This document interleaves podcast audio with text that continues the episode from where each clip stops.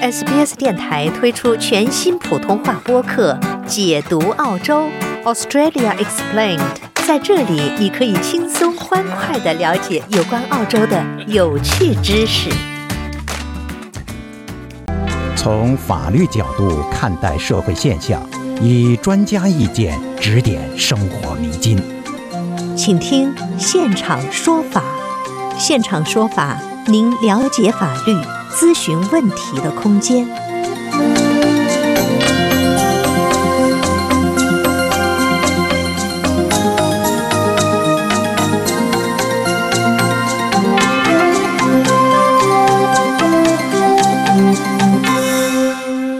听众朋友您好，欢迎您继续收听 SBS 广播中文普通话节目，为您带来的现场说法听众热线节目。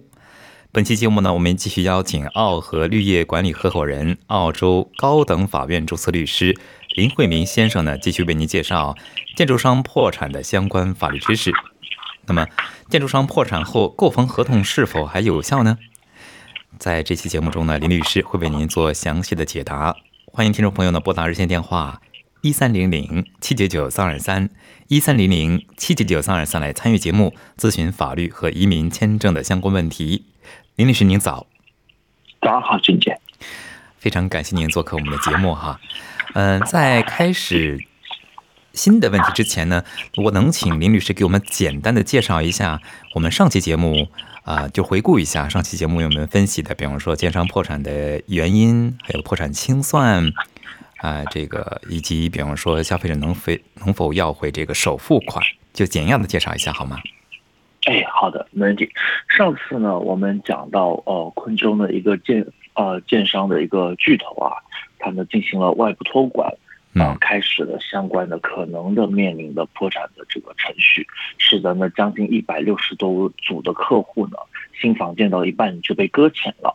嗯，那，这些原因呢，可能会因为建筑人员的紧缺，呃，海外劳工无法回到澳洲，可能会因为建筑工人费用的增高，呃，也有可能会因为建筑材料，呃，近几年的连续上涨，啊，等等原因，使得这些可能面临到，哎，我承建可能会损失更多，那我不如就宣告这个外部托管，或者考虑经济上的重生。等等，那么面对这样的情况呢，我们是要看是否能拿回首付款等等，那我们就要关系到债务人偿还顺序的问题了。那主要是有以大以下三大顺序：第一个，有抵押的债权人；第一，第二，员工；第三，是没有抵押的债权人。没有抵押的债权人当中就包含了预付款的买家。subcontractor，比如说一些外包的工人啊、啊房东啊和税务局啊等等，也就是说，当预付款的买家他属于没有抵押的债权人当中，但是这个呃破呃，但是这个建商的这个资还能大于债的时候，那他这个顺位当中是有可能拿到会拿回一些首付款的。但如果这个资已经不抵债了，那就。非常危险，那这时候可能就会有我们今天讲到一个重点的话题，就是保险的出现了。嗯，非常感谢林律师给我们言简意赅的回顾了上期节目的内容哈。那么听众朋友在上期节目呢详细的林律师的一些分析和介绍哈，也欢迎登录我们的网站 sbs 点 com 点优先斜杠 Chinese 来查看哈，有详细的介绍和一些解答。那么林律师就是说，刚才您提到哈，就是建筑商他破产之后，呃，作为听众朋友们，如果是比方说是这个。支付了预付款，或者是已经购买了这个房子哈，他的这个购房合同是否还有效呢？嗯，对，这也是经常很多客户问到，就说，哎，那我的建商破产之后，那购房合同是不是就自然的就无效了？这是大家最关心的问题。那么，你这个合同啊，它依然是，当然是有效的合同。但是呢，由于建商他已经申请了破产程序，所以呢，我非常建议客户要这时候要委托律师了，帮助客户在破产程序当中争取这个合法的这个权益。那一般来说，进入破产管理的时候呢，都会有一个清算管理人或者外部托管人，一般是一家会计师事务所或者是清算会计清算师事务所来进入作为这个呃这样一家公司的代言人一样的角色，所以呢，就会去。就赶紧会推荐建议客户们去联系这样的一个外部管理人。那么此时呢，就要去判断您的合同是否是自然被取消了，就要根据不同的这个客户的合同当中条款来确定。那如果客户签订的是昆士兰 QBCC 昆士兰州建筑委员会的标准合同的话，那这个合同呢是可以因为建筑商的破产而主张这合同是可被撤销的。那可被撤销之后呢，就可以要求动用这个协会的保险来拿回部分的这个定金了。有以下几个步骤啊，是我认为是可以帮助啊这个客户们去索回一些定金，来减少这些损失的。嗯，哪些步骤呢？啊，第一步呢是首先要确定客户自己的施工的阶段，比如说以下三个阶段啊：一、施工完成了没？这种情况下呢是非常幸运的。如果施工完成了，那其实不需要做任何事情了啊，因为这个已经把大绝大多数的这个建筑款当中的这个钱啊，已经转化成为您的作品了、工程了啊，除非房屋存在缺陷。啊，否则呢是可以忽略这个，其实可以忽略这个建商破产的这个信息。但如果存在缺陷，也还 OK。为什么呢？因为我们依然会有这个保险是可以去 cover 一些事宜。这第一种。第二种呢，没有开始工作，就是他收了钱，比如说百分之五的定金，但是任何事情都还没有开始做。这种情况下，如果建商已经把百分之五的定金当中拿了一部分去承保这个呃作业的话，那这种时候呢，也是有可能去获得。定金的这个保险要求退款的，呃，第三种情况，工程开，对，工程开始了，但是呢还没有实体的完成，这种情况其实比较尴尬，就是我们常说的建到一半了，然后建商不见了，或者是遇到困难了，那这种情况呢，其实建商呢是呃客户呢是需要去支付完成工作的这个费用的，无论是我从这家建商转到另一家建商。还是继续这家濒临破产的这个建商，因为我还有大部分工作没有完成嘛。那如果呃存在困难的这个建商正在考虑将这本建筑合同转给其他建筑商来完成的话呢，呃也是需要客户的同意的。但此时呢，其实就会更加建议客户要寻求独立的法律建议，将合同转让给第三方的这个建筑新的建筑商，是否会影响客户？在这个昆士兰房屋保险计划下的一些权利了，嗯啊，但无论如何，只要客户签订了有效合同，并且支付了定金，这部分的定金当中是有保费的，那就可以申请昆士兰房屋保修计划当中保险的这个相关的索赔，来减少自己的损失。嗯，您刚才提到这个昆士兰州房屋保险计划哈，那么这个计划如果是比方说，嗯。加入了这个计划的话，它可以给您一个给这个客户一些什么保障呢？嗯，我们刚才可能一直重复两个单词哦，大家会听到的，一个呢是 QBCC 昆士兰建筑委员会，或者在其他州的建筑委员会。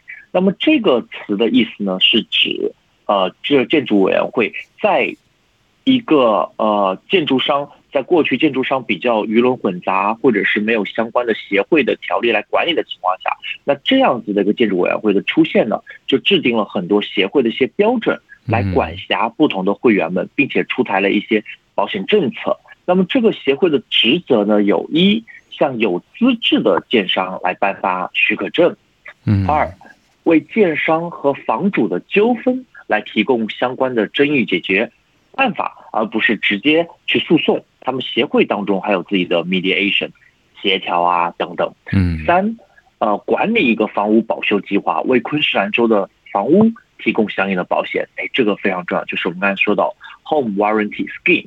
那么这个 scheme 指的是大多数在昆州价值只要超过三千三百万澳币，包括人工和材料这个三千三的住宅的建筑工程啊，就必须要去有这个房屋保险。作为建筑工程的一部分呢，这个建筑商或承包商呢，需要向这个建筑委员会 QBCC 去支付保险费，以确保建造。这个金额呢，其实包含在合同当中了，是包含在定金当中，并且需要在工作开始前就支付。如果哪个建商说，哎，我收了你这么多建筑款，还要额外去付保险的话，这时候大家要注意了，原则上是不行的。那这个建筑款当中就应该包含这个保险的费用。它呢可以在以下几种情况来保护我们的客户啊。第一种呢是指有执照的承包商还没有完成承包的建筑住宅工作的时候，或者呢就已经终止了这个合同，哎，我可以去 claim 保险。第二种承包商呢未能纠正有瑕疵的工作啊，这时候呢，哎，建完了，但是有瑕疵，这时候也可以 claim 保险。第三，建筑物出现了下沉啊或者沉降，哎，主体结构出现问题，也可以去 claim 保险。对，然后还有一种就是类似于这种就是哎，建筑商遇到困难，濒临破产了或者进入外部管理了啊，也可以尝试去撤销合同，去要回部分已经支付的定金。等等，这几种情况都是保险所涵盖的。所以呢，能不能要回首付款，一种是纠纷解决，还有一种我觉得最为直接、高效的方式，就是通过呃政府的委员会、建筑委员会出台的保险政策。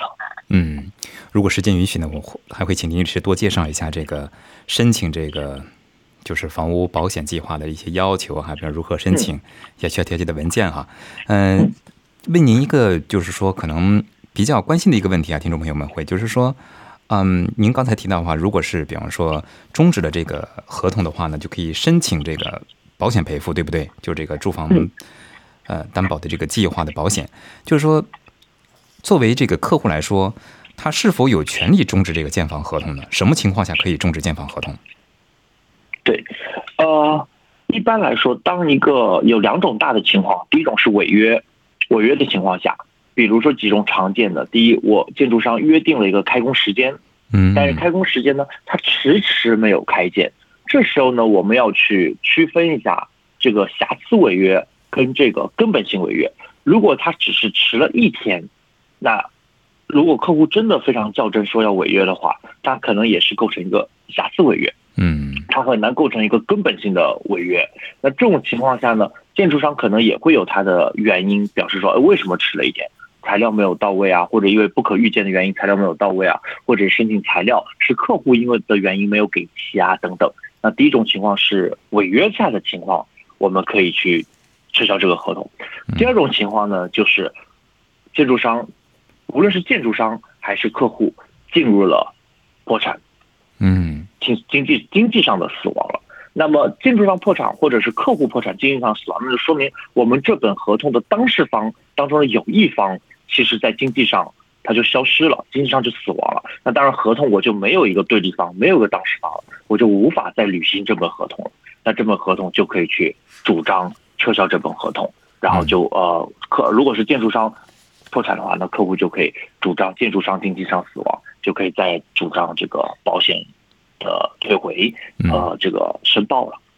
非常感谢林慧明律师律师给我们的详细解答哈，听众朋友欢迎您继续拨打热线电话一三零零七七九三二三一三零零七七九三二三来向我们的法律专家现场咨询法律和移民签证问题。接下来接听听众电话，这一位是王先生，王先生您久等了。你好，Hello，哎，您好，您请讲。啊，林律师，两位主持人，你好。您好，您请讲。你好。啊，我想问的问题呢是因。我是关于那个破产的，是关于税务的，可以吗，林律师？哎，当然，请讲。啊，因为我我带我替我朋友帮问的，我一位朋友，他是在一间餐馆里面上班，他做了很多年在里面了，但是呢，每一年问叫老板问叫叫他们拿那个税单来报税，老板都说就拖，拖一个月到一个月，一拖拖到了超过了十月份之后，他就说啊。啊，因为我的公司有一点问题，说啊不可以出税单给你。嗯啊，后来呢，就这样还不可还还不所谓，还要要他自己的律师写一封信来给那些我的朋友，恐吓我的朋友说你不要催催啊你的老板拿那个税单。嗯啊，后这方面我们应该怎么样来办？因为他我那个朋友做了在里面做了很多年了。做了差不多有三三四年了，都每年都是这样，啊，了了解你的意思了。那作为这个雇员，他是完全无论是雇员还是一个合法纳税居民，他完全有权利向自己的雇主去要两个大的文件。第一个文件叫做呃每两周或者是每个月发工资的时候，我们的 pay slip，pay slip 的格式里面必须要包含当中可能的税务情况。这第一种，第二种年度的时候，我们也可以向这个雇主去要一个叫年度的 payment summary 或者 pay slip 的 statement summary，让我们可以知道雇员可以知道这一整年当中我们的收收入是多少，被 withhold 了多少的 tax，这些都是对于一个雇员和纳税居民必须可以有的、必须可以去主张的一个拿到的一个文件，雇主也是必须要提供的。无论是根据这个税法，还是根据这个劳动雇佣法，这两点都是可以帮助呃我们的雇员朋友去索要这些文件的。所以呢，当您刚才说到说，哎，对方一直不给，或者连包括每年都在拖延的话，这种情况下，其实我不认为是合法合规的。那您可以考虑呢，啊，一方面再跟雇主有一轮的沟通，如果还是遇到阻碍的呢，那我认为您可以寻求 Fair Work 或者是 ATO 的这个帮助，再次确定的是，雇主必须要告诉员工们那个他们的 Pay Slip 以及年度的 Pay Slip 的三 Statement。当中包含的这个税务情况，这是您有可以有的这个法律权利来保护自己啊，以及您的朋友王先生。嗯，王先生有解答您的问题吗？啊，还有的，我想问一问律师，好像你是一个职业律师，你是可不可以？就是那位律师啊，我不知道他从墨尔，因为我们是住在布里斯本，那位律师从墨尔本那边寄一封信来给我我的朋友说，你不要再催雇主拿呃。关于报税的问题，你做一个职业律师可以这样做法吗？是这样，哦，对吗？法律上可以这样吗？对，呃，首先律师他不能通过律师信来对任何的对方进行恐吓，这是肯定不可以的。但但其实我也会非常建议您寻求一下法律建议，去解读一下这封信件。这封信件当中的文字可能包含其他意思，它可能并不是恐吓。但如果是恐吓的话，那肯定是呃不正当的这个职业的一种做法了。嗯，王先生，他不是他不是今刚刚今年去年也是这样，问他们他们就那个老板不给不给，后来他就去年就叫律师写封信来，今年又再叫叫律师写封信来，来恐吓他们，而且不是他一个人，他里面餐馆里面工作的人差不多全部都是这样的。嗯，那王律师建议您找法律专业人士解读一下这封信件。好，谢谢你。嗯，好嘞，谢谢王先生。律师好。那听众朋友，欢迎您继续拨打热线电话一三零零七七九三二三一三零零七七九三二三来向林慧美律师现场咨询法律和移民签证问题。接下来继续接听听众电话，这位是 Jessie，Jessie 您久等了。啊，大家早上好。嗯，呃，我是带朋友向那个林律师要请教一个问题，就是看看怎么样维护自己的正当，他的正就是他的正当权益。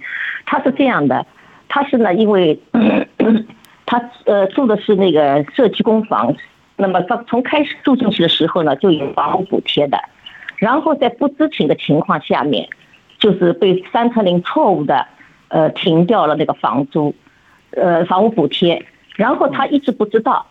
然后一直过了一年九个月以后，当他呃那个这个时候才知道，那么三特零就是现在他也承认，他当时的停他的那个停我朋友那个房贴房屋补贴是错误的，他只是强调说当时有给过你一封信，你没有在十三周里面去呃跟他们联系联络，那么就是问题就出在这封信他没有收到。因为他没有收到，所以不知情。那么现在三特零这么说，他该怎么办？维护他的正当权益？哦，了解了，谢谢您提醒您的问题哦。其实这个问题呃，关乎到法律上一个问题，叫做送达文件送达的问题。那呃，首先要包括提醒您的朋友，还有其他听众朋友们，当我们的地址发生变化的时候，一定要去相关的部门去更新自己的地址，以防这个没有查收到一些文件。呃，也可以选择一些实际的邮寄，把它变成电子账单，来帮助自己随时可以收到。那在您的朋友的这个案件当中，Jessie 就要注意哦，他没有更改过地址，他一直是这个地址，然后呢，他一直是这个呃，这个呃，这个水费啊，那个什么那个那个房房费啊，都是三特林从他的残疾金当中，就 disability 的残疾金补贴当中代扣的。他一直住在那边，一直是呃这个代扣的，所以根本不存在更改更改地址的情况。所以三特林这个做法他是错误的，是他的出错。然后朋友没有收到这封信啊。像李律师这种情况该怎么去辩解呢？对，稍等，就是说有什么办法？嗯，是的，如果没有发生地址变化了，那其实很好，表示我的地址一直都是这个。这时候呢，其实又要回到一个法理的概念，就是什么叫做送达。那么在澳洲啊。它原则上还是实行的叫做邮件送达。那么邮件送达呢，是指发出去之后，我们就呃发出去之后，一般来说您也知道，政府的邮寄它是不会有 tracking code 的，没有个物流号的，所以原则上都依赖于这个邮局去送达这个文件。那对于这个三 Q link 来说，它原则上适用的是发出去之后，他就认为这个客户会收到，他不会再去发第二封、第三封，或者再打电话去确认。呃，其实很多的朋友因为这样的一个政策呢，他可能错失了一些邮件，因为邮局在递送当中可能发生了一些意外，递送丢了之类的。呃，但对于四千 link 来说，它原则上是发出去之后，他就认为这个信息已经发出去了，已经送达出去了。那可实践当中，可能您的朋友确实没有收到。那这时候呢，其实，呃，就下一步怎么去解决这个问题的话，我就会建议一要跟三九零再去沟通，为什么一点九年来那个政策发生变化，他一点九年之后才知道，这个知道是三九 link 没有再补充一个通知，还是作为当事人没有发现这样的变化，这其实也很重要。这第一点，第二点。如果有相关确实的纠纷，在这样的友好协调之下无法去解决的话，那可能会涉及到行政诉讼。行政诉讼的意思就是当事人去告政府的部门，表示他们的工作当中是有过失或者瑕疵的，应当去主张回已经呃本身属于自己的一些权益或者是这个补贴，就涉及到行政诉讼了。所以也在总结啊，也要几个点：第一，地址保证是最新的；二。保障送达去确认送达是在哪个时刻发生的有效了。第三，先去友好解决，友好解决还不行的话，那可能就会涉及到行政诉讼了。嗯，这是这是几步，我认为可以帮助到您的朋友的。好，那问题就是说，他呃后来他如果说他当时知道的话，他不可能到一年九个月以后再去向三策令呃呃这个联系这个事情，然后从那个时候又就是一年九个月以后，这个时候又开始。对，这个需要您跟三特那个具体去沟通了。那么跟沟通过了，也申诉过了，他就是强调，他们发过信了。呃，你过了十三周。刚讲到的送达的这个法律的法理概念了。那么，那么怎么办？他确实没有收到，他是单身一个人居住的，呃，他这个信箱都是上锁的，因为是可能是投递当中什么原因，不是他自己本人的过错。理理解，那这个情况下，其实就会建议您考虑第四步了，可能的行政诉讼。当然，在法理上啊，这送达的法理上，其实政府部门一般都是依赖于采用于邮件送达的原则，就送出去了，他们一般不会有第二封、第三封，或者是电话再去确认的，这是他们的普遍实操。呃，如果通过协调解决还不能解决的话，确实会非常建议您的朋友尽快的寻求独立法律建议，开始相关的行政谈判或者行政诉讼了。嗯，好的。那么这个行政诉讼是要通过什么手手段呢？呃，可能第一步是先因为他三特令的两两次的那个呃那个申诉，都是这个第一次是不了了之，他们就不告诉他呃，就是说不告诉他，就是这个事情该怎么解决，就是说维持原状，就是这个停掉的时候停掉了，你过了那个十三周，然后他第二次申诉，他们就承认了这个是他是他们的过错。呃，但是他们就说你没有在收到信以后的十三周，就是他那个朋友没有在十三周里面去反映这个事情，还是出在这个问题上，那怎么办？对，这就送达的概念了。所以，Jesse，我会建议把那些文件整整理一下，包括两次 review 的这个文件，给到让您的朋友给到律师去，呃，拿出个独立的时间去寻求一个独立法律建议。来讨论下一步是怎么进行诉讼或纠纷解决。好嘞，谢谢。他是哦，因为我还不好意思再问一下，就是他是不可能自己出费去那个打官司的，他那个拿的是 disability 的那个费呃那个津贴，他经济上很不一定会不一定会打官司，但我认为一次咨询会非常帮独立的咨询，对，去把这些文件的解读。会非常帮助到您的朋友，不一定会打官司。对，那么通过法什么就是不收费的那个律师去咨询这个问题呢？就是法律援助的个律师呢？呃，有些法律援助或者有些社区法律服务可以先进行一次咨询。嗯，社区法律服务在很多社区都会有，可以先 Google 一下。建议您查询一下。好嘞，这次也祝您顺利。那么，听众朋友们，欢迎您继续拨打热线电话一三零零七七九三二三来向我们的专家现场咨询法律问题。接下来继续接听听众电话，这位是朱先生，朱先生您早。哎，律师好，你好。哎，您请讲。我是问一下，我我我订了一个游轮呢，现在因为疫情了，它取消了，取消以后呢，那个那个我要求那个退款，退款呢，那么他们说要收一个人五十五块钱的手续费，我不知道这个合理不合理，我就认为这个手续费应该由邮轮公司来提供给这个 agent，对不对？不应该关我们客户来收。我理解您意思了，周先生，那可能要回去看一下您的这个之前订的时候。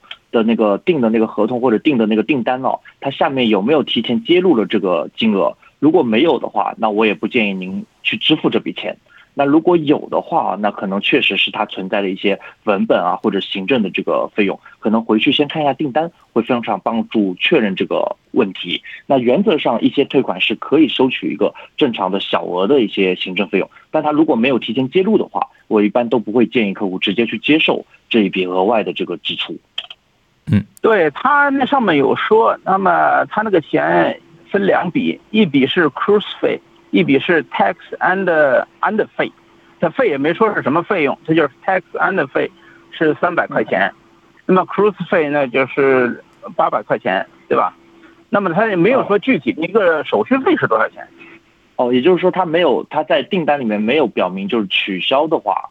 那是可能会产生一个五十五的退款的一些处理的费用。没有，没没有显示，没有显示。哦，它只是如果它没有显，如果它没有显示的话，那我不建议您就是贸贸然的接受它这样的一个呃说辞，说要有五十五的退款费。嗯，啊，起码在目前我的信息得到的情况下，呃，我认为您可以呃接受。对他订单里，但是订单里呢，就是有 cruise 费跟 tax and 费，他没说是什么费。对啊，那么。他退的时候，呃，退的时候他就说 cruise 费是八百块钱，然后 and 费他就没说，没有明确的说这是你的手续费，他没有说。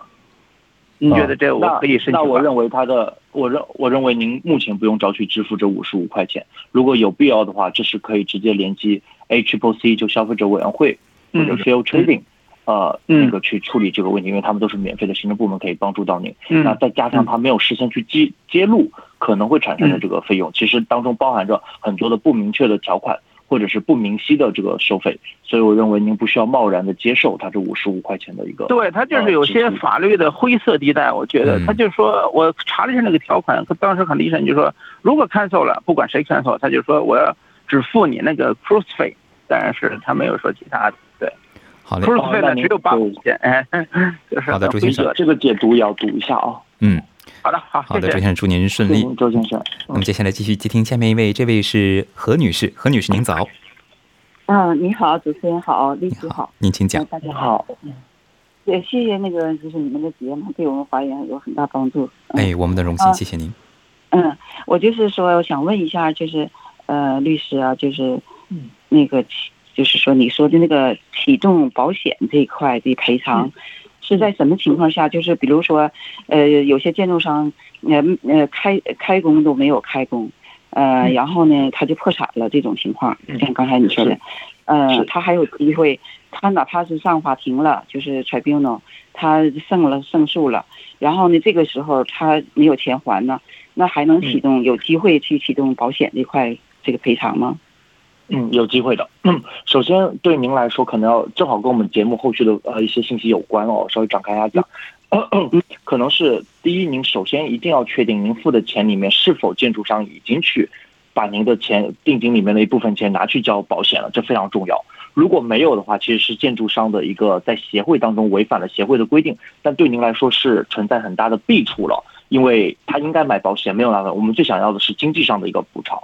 那如果买了，那非常好。如果买了保险的话呢，那您然后再加上他要破产的话，那您就要提供以下几个文件，就有机会去把保险给 claim 回来哦。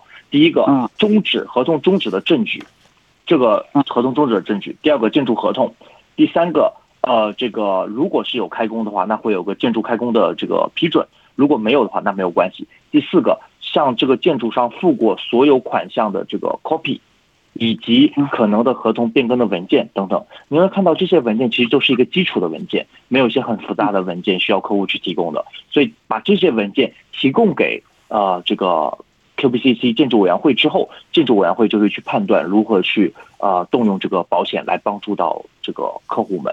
所以我认为，只要您的建筑的这个建建建筑的这个建筑物它是有保险的话，其实您就不用太担心。您的一些建筑商违约，或者是这个发生一些瑕疵等等，都有可能被保险给 cover 的。哦，那我想问一下，那个是是那个交没交保险？如果没有交保险，我估计够呛能交保险，好像是没有交。对，这就是我最担心一个问题。如果他拿去了，他没有交保险，对于客户来说，一经济上的损失，二呃可能都能很难追回来，因为他要宣告经济上死亡了嘛。二这协会也不一定会会受理这样的承保了，因为没交。那怎么能知道？怎么能知道呢？他交没交保险？有两个方式您可以知道，第一个方式是，呃，当他因为我们交了定金之后，对方不是要给我们收据嘛？那有时候建筑商发来的收据当中就会给我们一个保险收据，这样我们就直接能确定已经交了保险。这是第一种。第二种，我们可以直接联系协会去问，哎，我的名下或者我的这个建筑物的地址的名下是否有保险？我们可以直接咨询。嗯，那协会是你说是什么？有电话吗？去咨询？呃呃，根根据每个州都有不同的建筑委员会哦，您可以谷歌一下他们的电话。对，您搜一下建筑委员会。好嘞，由于时间关系，就不得不打断您了。祝何女士顺利。现场还有多位听众的电话，我们无法接听，不过没关系，每周二呢，您都可以拨打一三零零七九三二三来向我们的律师嘉宾现场咨询法律问题。以上就是今天两个小时中文普通话节目，非常感谢林慧梅律师做客现场说法节目给我们的支持。我是刘俊杰，明天同一时间仍然与您准时相约。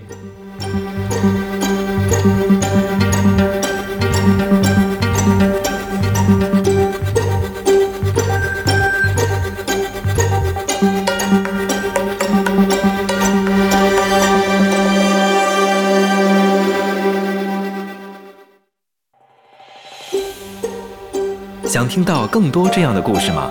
您可以通过苹果播客、谷歌播客、Spotify，或者您喜爱的方式下载收听。